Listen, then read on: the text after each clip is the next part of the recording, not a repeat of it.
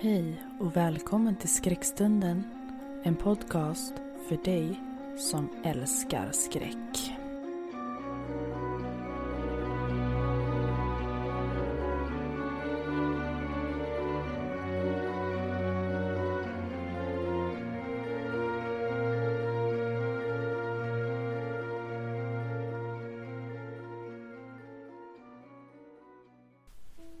Hej och välkommen tillbaka till skräckstunden. Som ni säkert märkte så kom det inget avsnitt förra veckan och det beror på att jag var sjuk och fortfarande så är jag lite krasslig men jag hoppas att ni kan ha överseende med det. Vi närmar oss jul och den magiska tid som det innebär. Därför kommer veckans avsnitt, som också är en säsongsavslutning innan vi tar ett uppehåll över jul och nyår, vara ett lite speciellt julavsnitt. Närmare bestämt som handlar om Lucia. Innan vi drar igång så vill jag också, på tal om magi och den magiska tiden som vi har framför oss, prata om våran fantastiska tävling som vi har på Instagram i samarbete med lyko.se. Om du går in på Skrackstunden på Instagram så kan du vara med och tävla om ett presentkort hos Lyko på 800 kronor. Så tack till Lyko. Nu finns det egentligen inte så mycket mer att säga så jag tycker vi drar igång veckans berättelse men också årets sista berättelse ifrån skräckstunden. Du ska få höra berättelsen En krona av eld skriven av Stefan Björnsbacka på Hemsökta historier som vi har hört ifrån tidigare.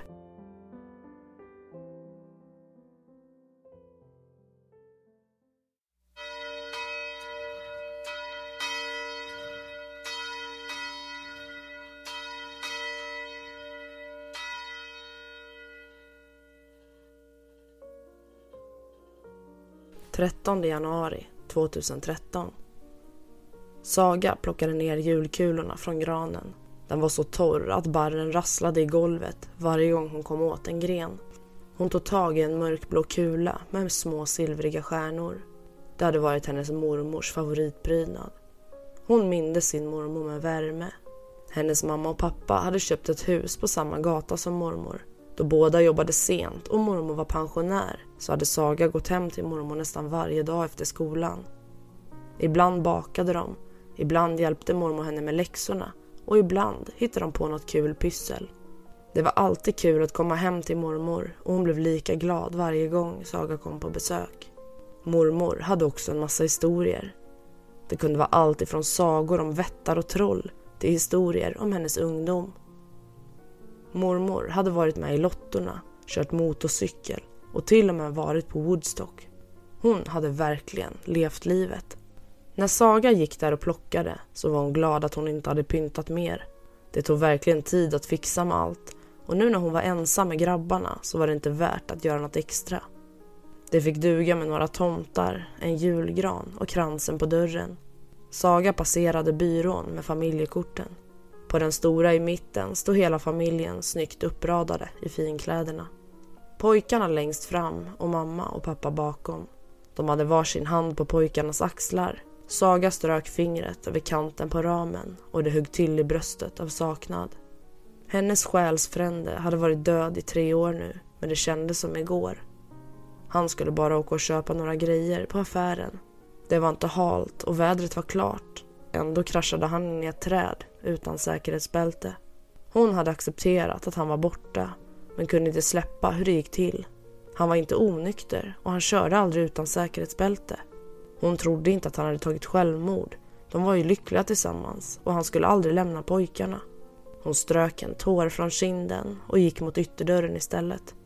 Ingen idé att fastna i det förflutna.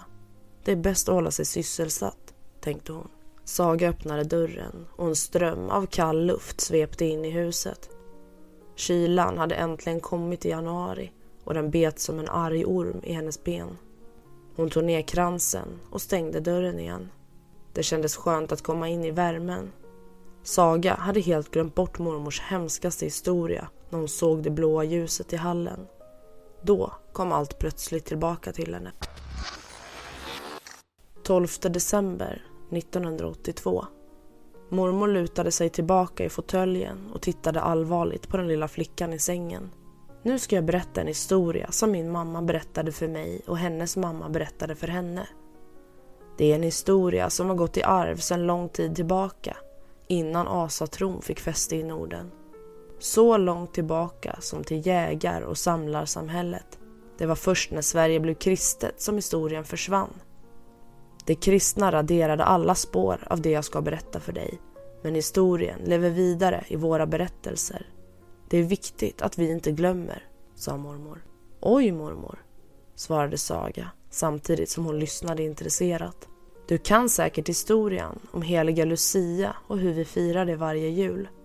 Jag vill vara Lucia i år, svarade Saga och log. Ja, det vill du säkert och det kommer du att bli. Men Lucia har en mörkare bakgrund än man kan tro. Det finns en ondskefull varelse som kallas Lusha. Det är ett gammalt namn för ljus, precis som Lucia kommer från ordet lux som betyder ljus. Men det här ljuset har ingen värme, ingen kärlek. Den här elden kommer bara med olycka och ond bråd död. Oj, sa Saga med stora ögon. Lucia kommer den 13 december. Det stämmer inte riktigt med ursprungshistorien. Lusha kan komma när som helst men framförallt den trettonde dagen på det trettonde året. När hon visar sig så kommer något hemskt hända. Så har det varit i urminnes tider. Mormor tänkte på de två världskrigen och flera otäcka brottsfall men hon utelämnade de värsta delarna för Saga. Är det inte lustigt att folk missar den kopplingen? 13 är erkänt som ett otursnummer och ändå är det då vi firar Lucia. Någon hade en mörk humor när datumet för firandet bestämdes. Är Lusha djävulen mormor? Ja, jag antar att det är samma sak egentligen. Bara beskrivna på olika sätt. Lucifer och Lusha har ju väldigt snarlika namn för att inte tala om Lucifer och Lucia. Saga nickade intresserat. Men det går förstås att skydda sig mot Lusha. Nyckeln är cirklar och den traditionen lever kvar även fast folk inte vet varför. Förr kunde man rita en cirkel runt sin hydda eller bygga den som en cirkel. Du har väl sett alla kransar folk har på dörrarna? De fungerar som ett skydd mot Lusha. Cirkelns kraft är stark och du måste komma ihåg att ha din krans uppe till minst den 13 januari. Det ska jag komma ihåg mormor, svarade Saga käckt trots att hon långt senare skulle glömma just detta. Förr i tiden vandrade man i cirklar runt byar och gårdar med tända facklor. Nu för tiden har vi Lucia-tåg. Pappa Leif tittade in i sovrummet med bekymrad min. Flickan hade somnat så mormor klev upp ur fåtöljen och smög ut ur rummet. Du skulle ju söva flickan, inte skrämma skiten ur henne, sa Leif. Historien behöver föras vidare och du lär ju inte göra det. Du har aldrig varit intresserad av vår bakgrund. Leif nös och kikade in i sovrummet igen. Saga sov lugnt och stilla, så han släppte det. 13 januari 2013. Saga blev stående som förstenad. Hon hade alltid gillat mormors berättelser men samtidigt trott att det var på låtsas. Varelsen som svävade i hennes vardagsrum var allt annat än låtsas. Den saknade fötter och istället var det ett slitet tyg som hängde slappt över dess knotiga axlar. Ansiktet var insjunket med två stora hål av blått ljus där ögonen skulle vara. Huvudet brann med en krona av blå eld. Den sträckte fram sin arm och pekade på Saga med ett benigt finger. Nyhetsrapport 14 januari 2013 Oroligheterna i de centrala delarna fortsatte under helgen med flera upplopp. De tre personer som fördes till sjukhuset i fredags efter att ha ådragit sig svåra skallskador har nu avlidit, rapporterar representanter för universitetssjukhuset. I Lilla Frejby har en tvåbarnsmamma försvunnit. Hon lämnade två sovande barn och försvann någon gång under natten. På morgonen larmade en granne polisen då han såg de gråtande pojkarna sitta på trappan. Nyhetsrapport 27 januari 2013. Presidenten i Ryssland är död. En ensam skytt sköt på nära håll ihjäl Vadim Lukasjenko. Personen övermannades och greps. Nyhetsrapport 1 februari 2013. Personen som sköt ihjäl Vadim Lukasjenko är en svensk kvinna vid namn Saga Åberg.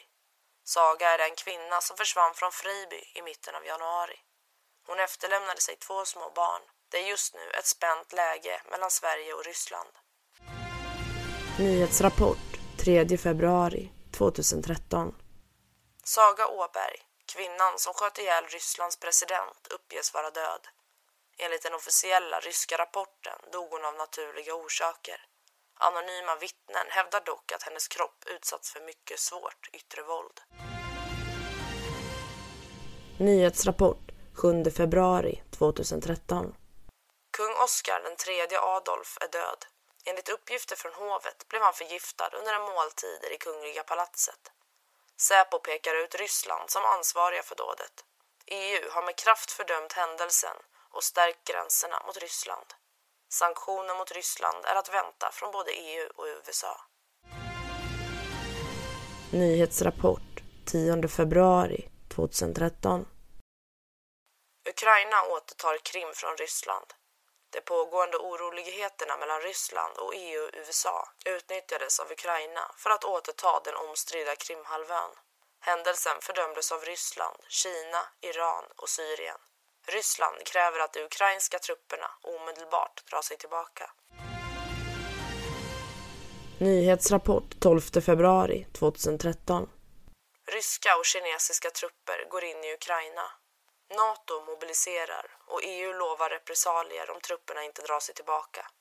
Tusentals befaras ha dött i strider längs gränsen mellan Ukraina och Ryssland. Nyhetsrapport 13 februari 2013. USAs president William Monroe är död. En brasiliansk man hävdas ha dödat presidenten med en handgranat. Händelsen förnekas av den brasilianska presidenten som också hånade Secret Service på en presskonferens i Rio de Janeiro. Nyhetsrapport 14 februari 2013. USA startar krig med Brasilien. Oroligheter utbryter i Afrika och USA och EU-konstellationen går in i Ukraina. Nyhetsrapport 13 mars 2013. Tredje världskriget har börjat. Världen har återigen sjunkit ner i blodiga strider. Du har hört berättelsen En krona av eld som är skriven av Stefan Björnsbacka på Hemsökta historier.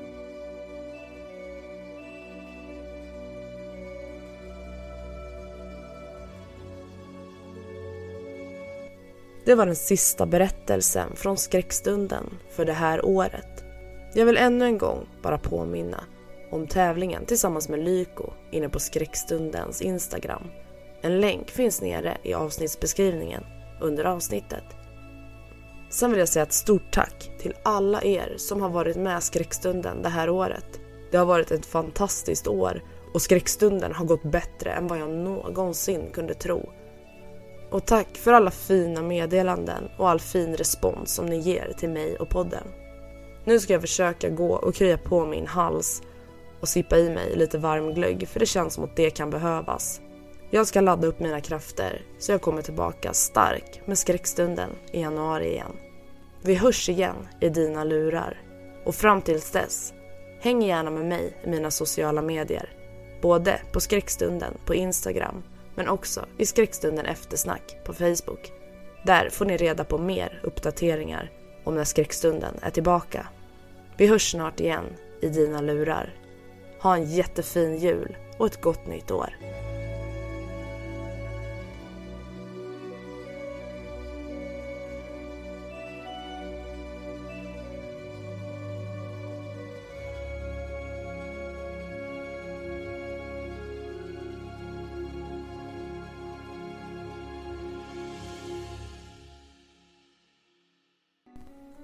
Har lyssnat på Skräckstunden. En podcast som får ditt blod att frysa till is. Ha en fin vecka så hörs vi snart igen.